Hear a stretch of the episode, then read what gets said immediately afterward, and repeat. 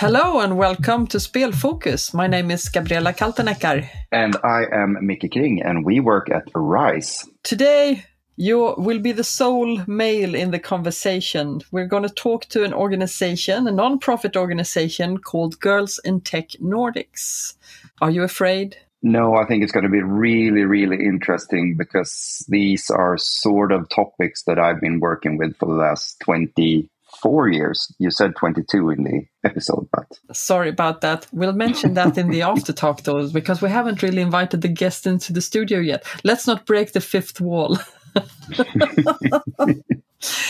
no, you're, you're quite right. 24 years. In, in the educational sector. I think this episode might be especially interesting for you just because you have that experience from working with very young children and you have had a first seat experience to witnessing uh, the difference between boys and girls in choosing what profession they might go into what what subjects are they interested in you know math tech and and of course again we will have to mention your project the final boss where you taught programming i think what we tried to do and what this organization is trying to do is pinpoint why girls lose interest in tech and that we in general in sweden have too few women working in tech and perhaps knowing what working in tech is. And I think Ulrika will also mention this in the episode, but Sweden and especially Stockholm is very well renowned for startups. Uh, but I think only, you know, in the percentile, 1% or something uh, of those funds that go to startups goes to female led companies. Uh, so there is, of course, you know, a huge market potential on the one hand, and a very confusing problem at the other hand. This is the question that vexes everybody, right? So, in the computer gaming industry, in the engineering sectors, in different uh, tech companies, why are women losing interest in tech? at an early age. And the women who do go into tech and the computer gaming industry, why do they leave the industry? A lot of women do, and we're all theorizing on these different reasons. So it will be very interesting to see what um, our guests today, Vanessa Eriksson and Ulrika Andersson, who is the founder and co-founder of Girls in Tech, will say about this. So, welcome to our studio, Vanessa and Ulrika from Girls in Tech Nordics. Thank you. Thank you. We're so happy to have you here today.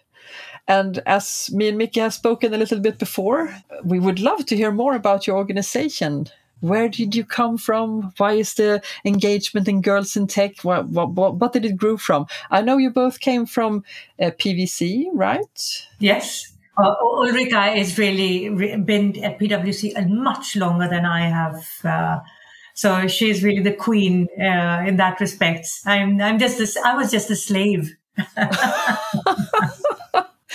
it's so good that queen and slaves yes, can work together absolutely. in other contexts.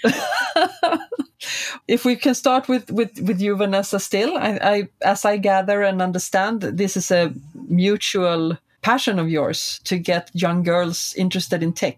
Yes, absolutely. So I, um, uh, I started uh, Girls in Tech. Uh, at that time, it was just Girls in Tech six years ago uh, when I was working at Telia um, at uh, the innovation uh, division X.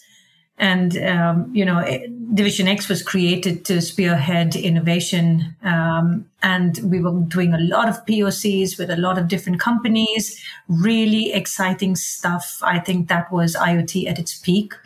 And I would come home uh, every day and talk to my daughters. My I, I have three girls, and I would talk to them about all the cool stuff we were doing. And I realized, I noticed that they were really in, interested in, in all that I was sharing.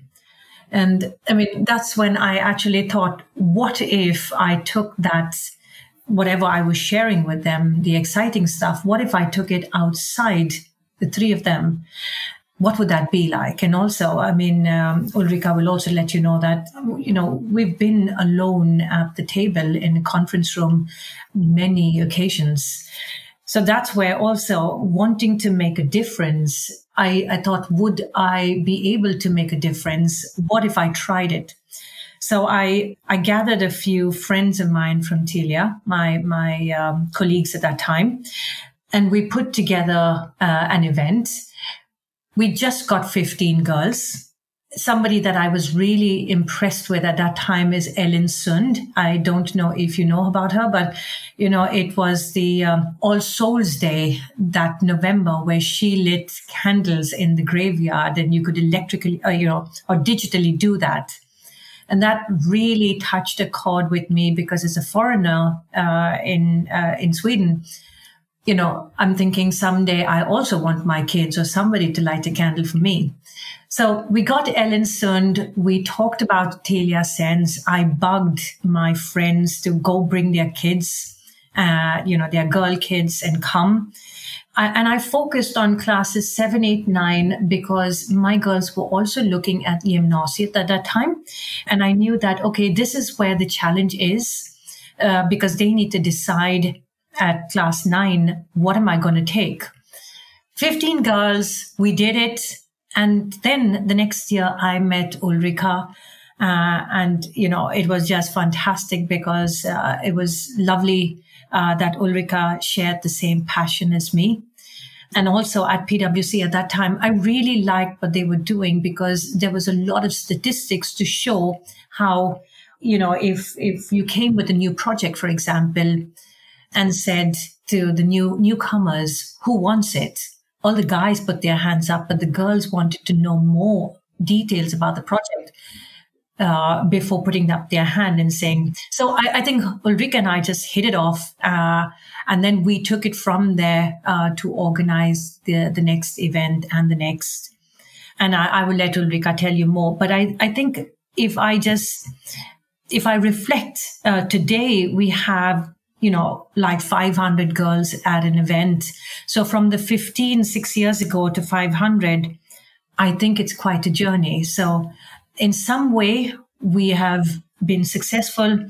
And yet in other ways, we still have a long journey ahead of us. So uh, I, I, think I'll hand over to Ulrika now. I was at PwC for um, 15 years. I left last summer. And um, I was working with with and I came from the tech industry, tech telecom industry as well before I started at PwC. So I worked a lot within the tech telecom industry combined with M&A and as Vanessa said, almost always the only female in the room uh, from both perspectives.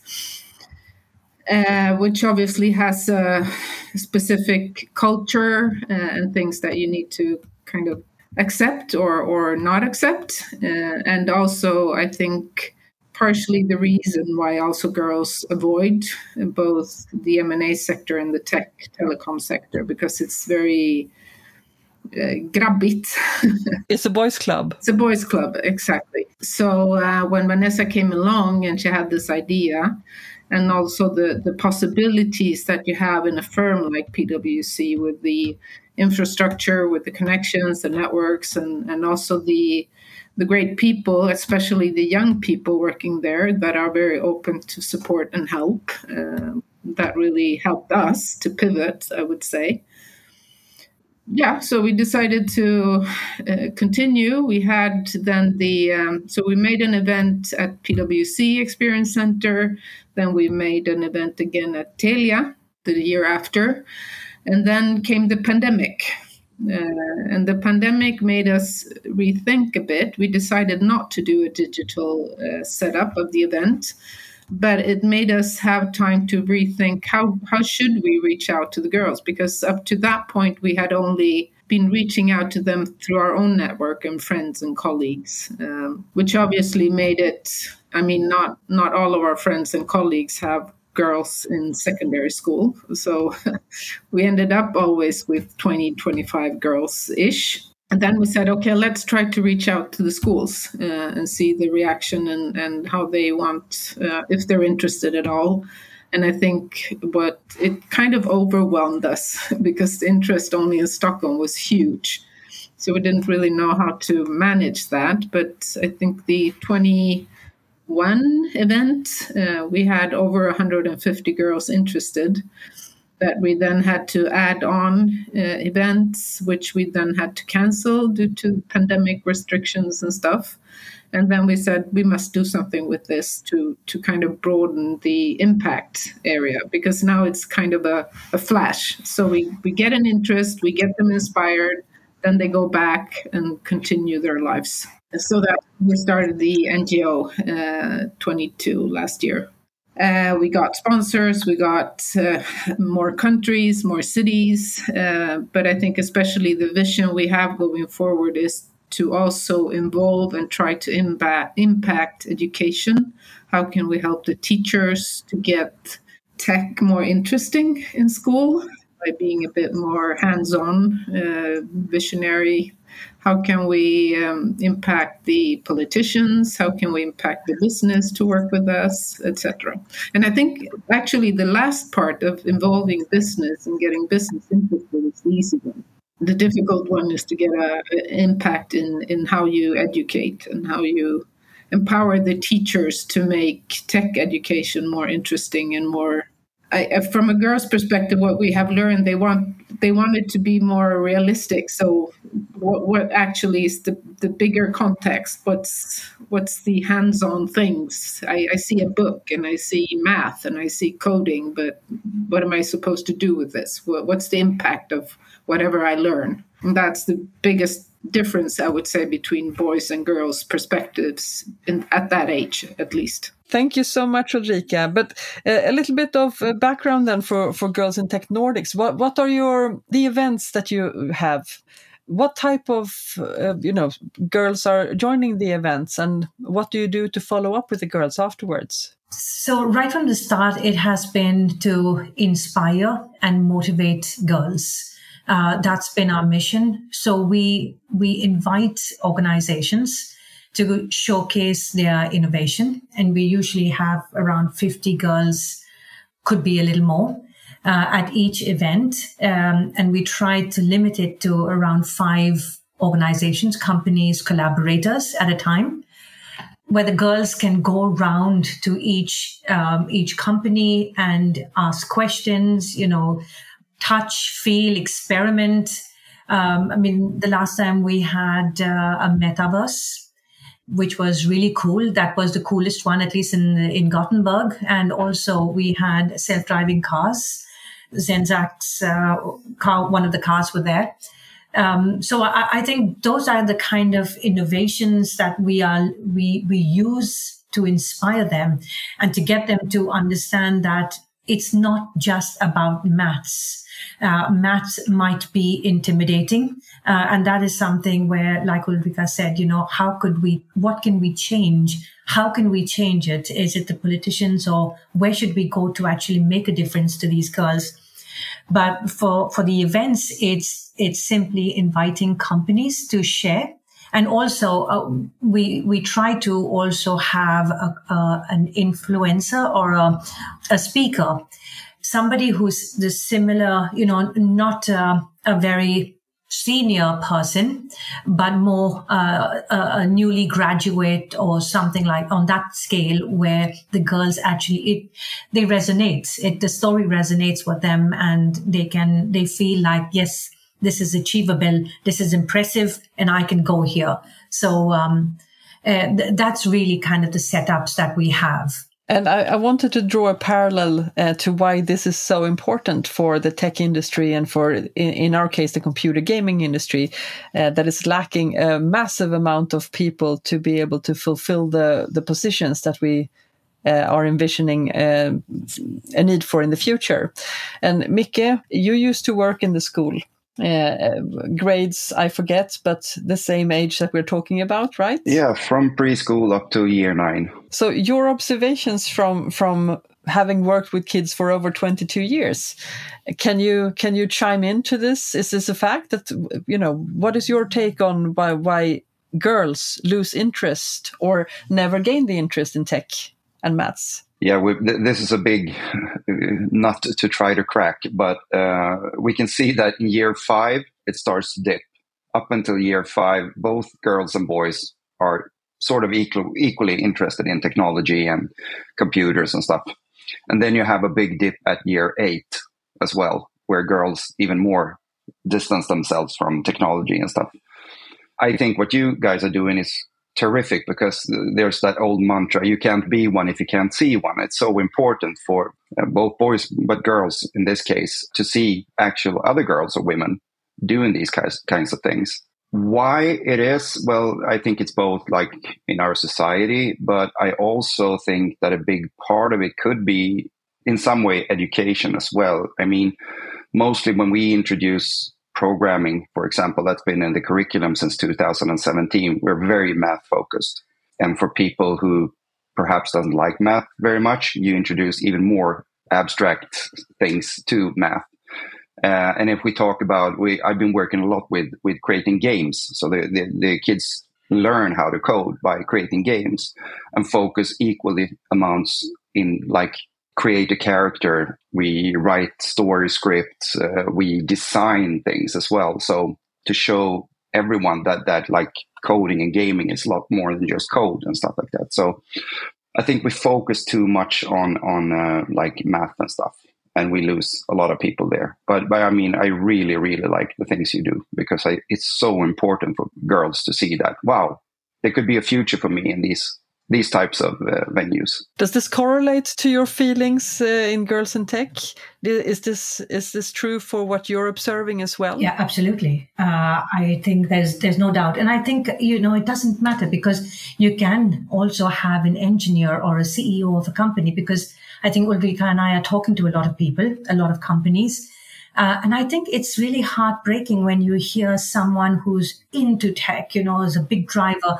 And then I get to hear, you know, my daughter doesn't like tech, uh, doesn't like maths. It's, it's, she finds it difficult. I hear the disappointment in the voice. Uh, and sometimes I also hear that, you know, I had a great teacher uh, my teacher was so fantastic. She broke down the maths and she it made it she made it so easy. It was so easy to grasp. And I'm thinking, okay, is it a teacher? Is it the teacher that makes the difference? Is it the education that makes the difference? But I think um, you know, for us, for girls in tech Nordics, we are not able to move that dial unless we start to talk to somebody higher up uh, and and and here I don't mean the organizations because I think we're all in the same uh, same puddle. We need to be talking to somebody bigger than that to say, can you help us? So if it is not Skolverket, if it is the communes or the municipalities, how do we actually who's the right people to start talking to? Because if it is if it is as simple as the teacher needs better tools to explain, to break break it down, make it fun for the kids uh, maybe that's an easier one to to attack because then maybe the, the teachers just need to be given the right tools but if it is uh, if it is more than that if it is a curriculum then somebody else also needs to be paying attention and, and changing this. How do you feel ulrika?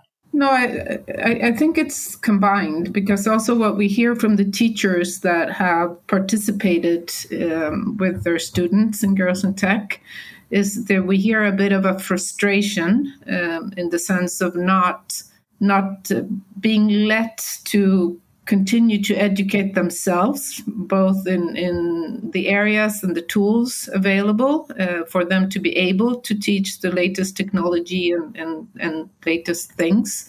So they don't get the budget to educate themselves, and they don't get the budget to be able to acquire more interesting tools to be able to teach. Like, I mean, you could take an example as VR tools or whatever tools that you would need to make it more fun and more realistic. So it's it's I think it's both a time perspective in not having enough time because they have so much other things they need to do as well and it's a budget perspective of not given time and money to be able to continue themselves educate, to be able to participate in different communities, to get inspired themselves, and uh, also to get the the money to be able to acquire relevant tools for that. And for that, we need kind of the upper part that gives them the, that possibility to be influenced and obviously inspire themselves so that they as a community can be stronger and, and ask for it or demand it in, in a different way. The other frustrating things is that we have you look at Haninge kommun, for example, they have uh, Eva Hartell at, at KTH doing a lot of research and we know a lot of things. There is a lot of tools, there is methodology, everything exists. If we just would get that from the science or the, the university down to the schools, down to the actual practical education. Can you can you uh, also verify that from your end, Micke? Uh, you know, is, has that been your experience? Yeah, yeah, it's a lot. It's a lot of different parts, as both Ulrika and Vanessa said. I mean, first of all, if you take the subject technology, there's only about 50% of the teachers in Sweden who are actually authorized to teach in that subject. So there are a lot of uh, teachers that doesn't have that knowledge and they don't have the time to get that knowledge as well. So quite simple tools like microbits, making like automatic uh, lighting that turns on and turns off if it's dark or sort of like you have on the streets outside and stuff like that. When we've done that with six, seven, eight year old kids, everybody thinks that's just it's like magic when they when they turn the classroom light off and their little lights in their houses that they build of cardboard suddenly just lights up. I mean, everybody thinks that's kind. Of, I, I mean, I I worked at a school where we had an okay budget. We could do this. I hadn't my budget to buy these things, and it doesn't cost very much, but so so it's a combination of, of money knowledge and and you know just let uh, trusting teachers to do the right thing. Because as you guys said as well I, I, think a lot of people want to do this with their they know their kid, kids and pupils students actually like this stuff. But it but you know from school to school it's so different. It's so different. I'm curious to know uh, you know we're talking about a lot of uh, ecosystem structural uh, societal structures. We need budgets and and uh, tools for the schools to embrace lifelong learning as a teacher, so that they can take on new experiences and new technology, so they can incorporate that into their classroom. Uh, but uh, what about the cultural phenomenon? So, do do you see any difference in how we bring up our girls as opposed to how we bring up our boys? And does that have an impact in your mind uh, in the interest that girls might have or not have in tech? I'm not sure. Uh, I guess, I mean, not sure from if, if a tech perspective. Um, to be honest, I think there is an impact if if the parents are academic educated or not, because that also gets a willingness and an understanding to want to continue education. Um, if I look to my my, I have a boy and a girl, and it's actually been the other way around there because my boy went to the Humanistiska and is interested in languages, and my daughter goes to Natur. She's not very interested in, but if you see them day to day, so my my boy is obviously into gaming and knows how to use the computer without any problem and everything. My girl is more interested in in tech from. Uh, she right now at least she wants to become um, smart city developer. We need those. That's really good. But she does she doesn't like tech according to her. So how do you find tech? So that that's what i mean with the connection to real life but that's a very interesting point, though, because uh, in the gaming industry, we hear uh, women gamers, such as myself, we were not invited to play with the boys when we were younger.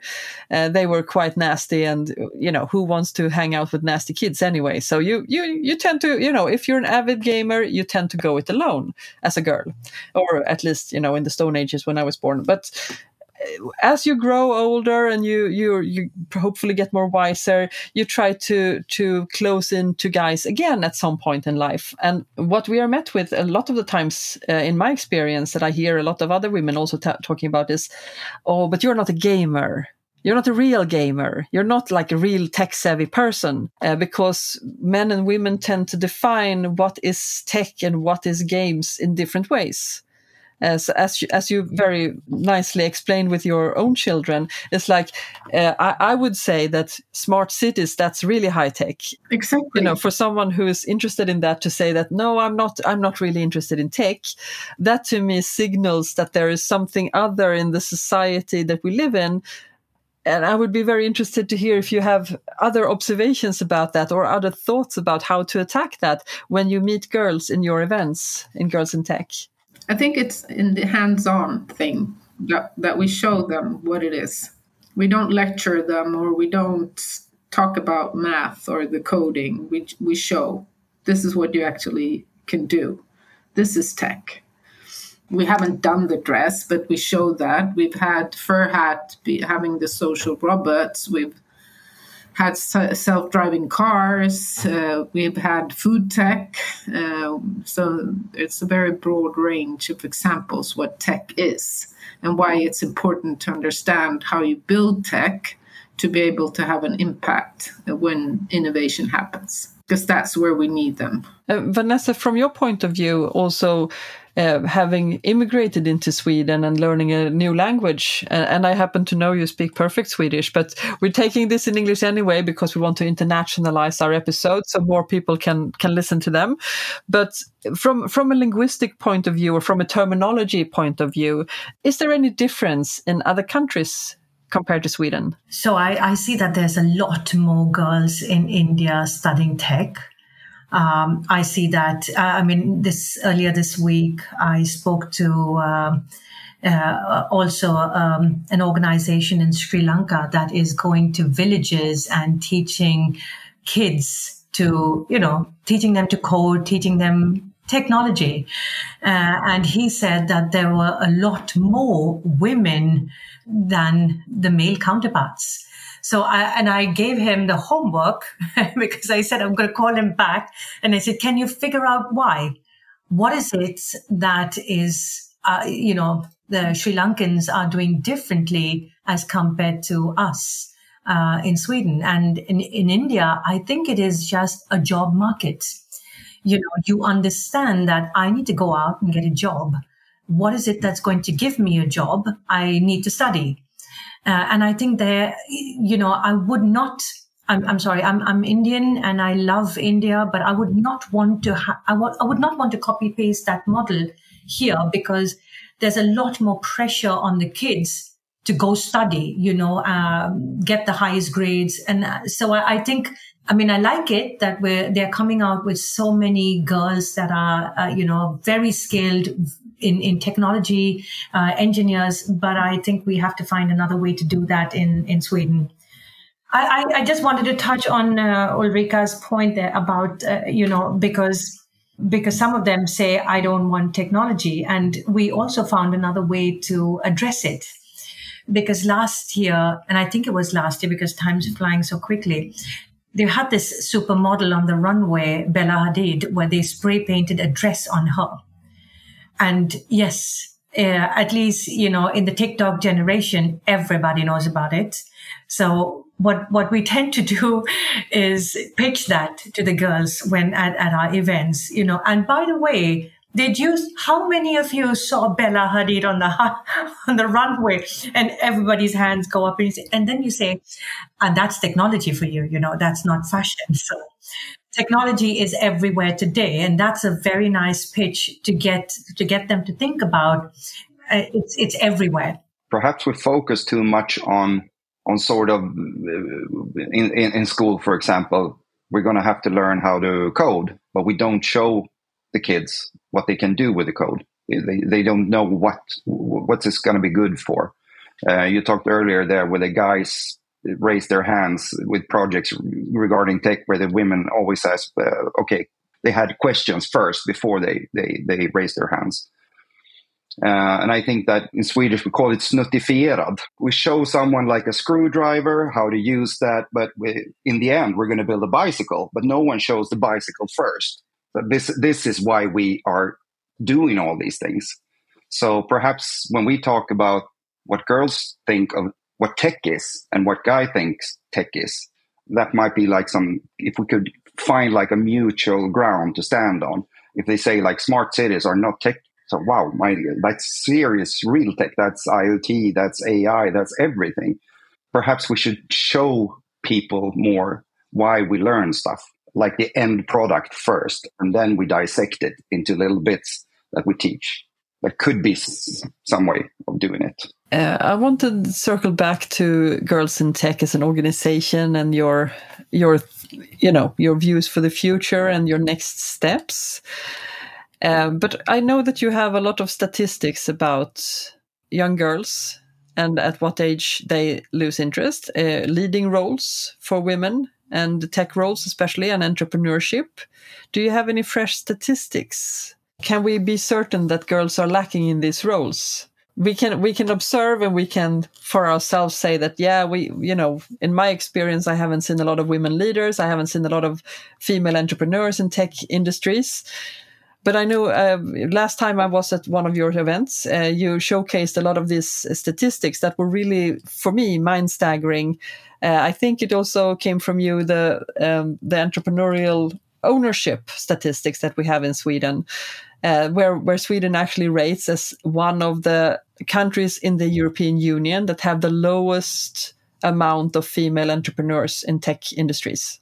Is that true? Have you also found that? Well, the, the statistics that we showed at the event in March, that I think that's that's the latest we have regarding women in um, in tech uh, kind of statistics, and what we what we see is that around 22% um, work in, in tech. 22% of the people working in tech uh, are women in um, in Europe.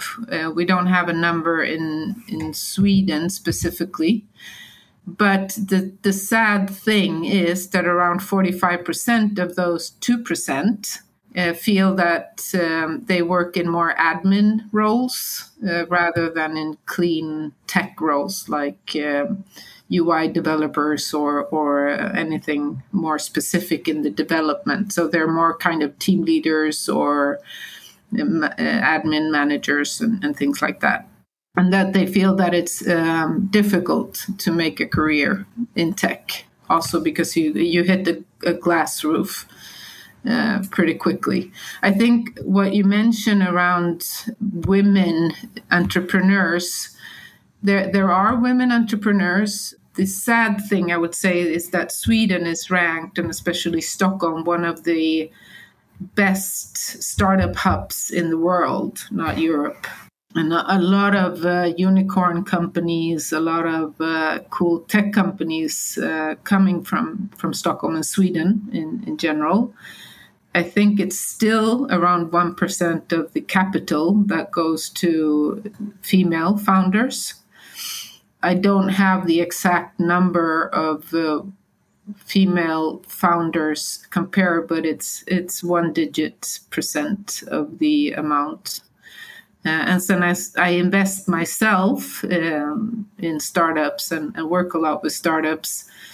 There there is a lack uh, of women, and I think it has it has a lot of to do with confidence, a bit in the in the same sense that Vanessa mentioned before that women tend to want to know before they start, so they're not as risk taking as men in that sense.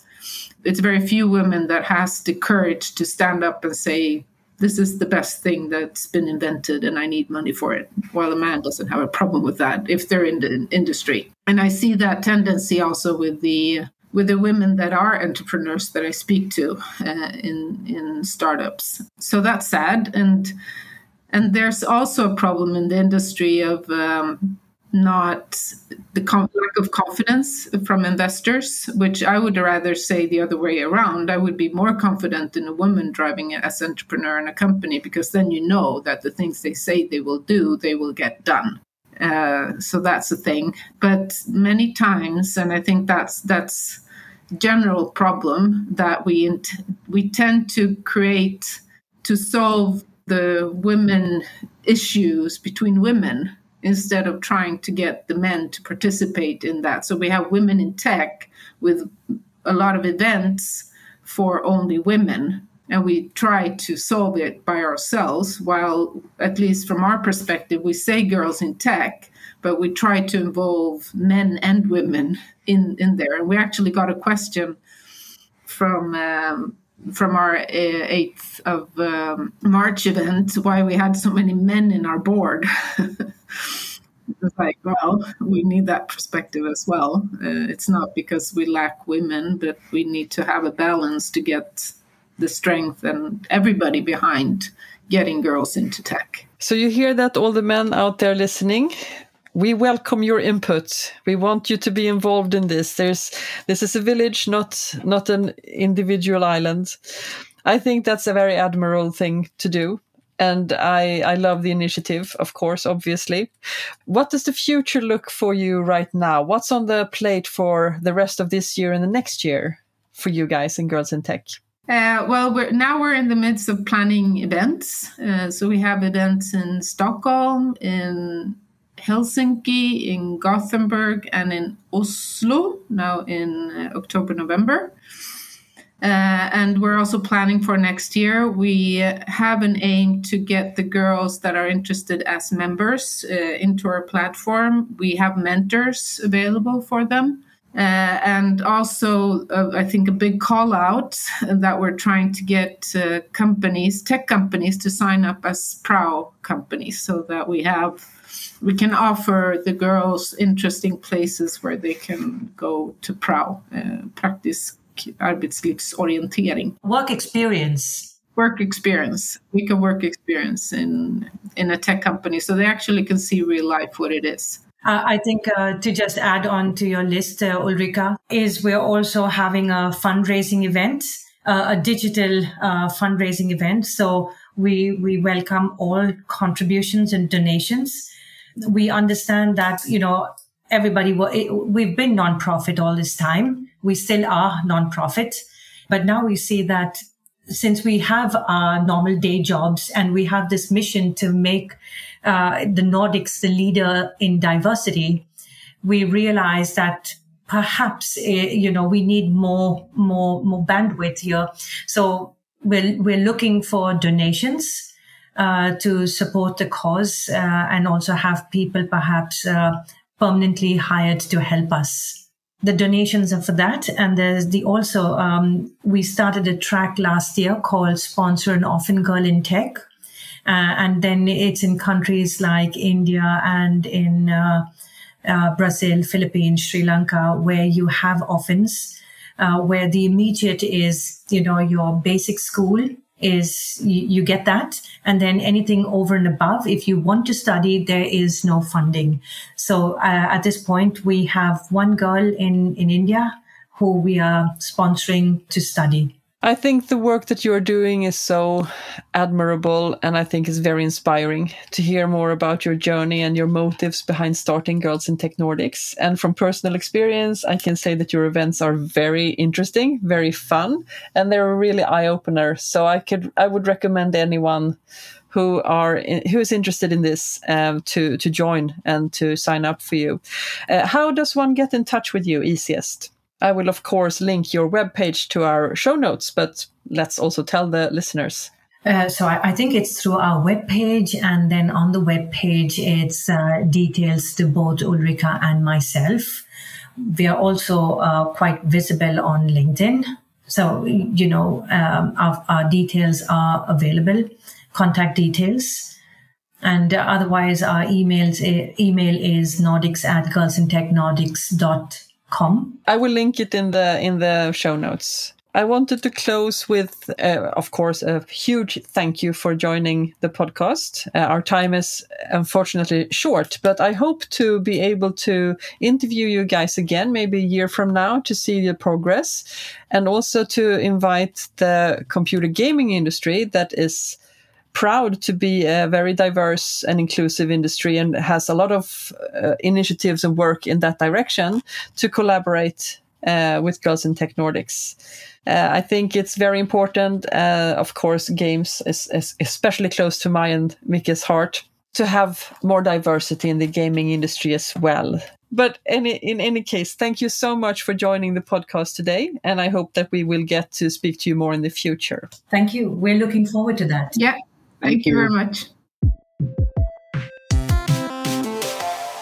So, Mickey, that wasn't too bad, was it? No, I think it was really, really interesting. And I really love these sort of organizations that do this stuff. It brings uh, reality, I think, to to uh, the subjects that we teach in school. To see actually where you know real people doing real jobs and the subjects that the pupils study could lead to a career in in uh, a lot of different ways. So I thought was really really interested. I think uh, non-profit organizations like Girls in Tech Nordics are so important. They, often, I think these issues are known by industry companies, but they're not always easy to work on from within your own organization. Lots of the times, you're aware that young girls are not choosing to go into tech professions, but as a business owner or as a computer programmer what you know what, what's the power to really work with that issue you can visualize the issue, you can talk about the issue, but it's organizations like Girls in Tech that really make a difference by actually going out and doing activities to to help the problem. And uh, I'm very, very much in all about uh, Girls in Tech and their initiatives. So it was an absolute pleasure to have our uh, the founder and co-founder of Girls in Tech on the program today. Yeah, I leave feeling inspired. Yeah, me too. And I, I think that the question I take with me, or the sort of answer I got, was that I think that boys and girls view tech differently, what tech is. And uh, I think that's something we have to address. And then we also have to have more diverse role models that, that from the industry. It could be the gaming industry or the tech industry, but you know, visiting schools, talking a bit about what a future tech career could look like because I don't think many kids know that. I don't think many adults know that the diverse possibilities that you can work in with tech. I also think uh, to add on to what you said about girls and boys talking about tech in different ways, we use different vernacular. We use a different vocabulary when we when we discuss tech. I find it so funny that Ulrika's daughter wants to work in with smart cities. It's like, yeah, but I'm not that interested in tech. And you go, uh, yeah, well, uh, uh well. I don't know if I want to use the expression, I hate to break it to you, but you know, it, it just goes to show that societal issues, maybe the norm critical thinking needs to come into play here somewhere. We tell small boys and small girls different things.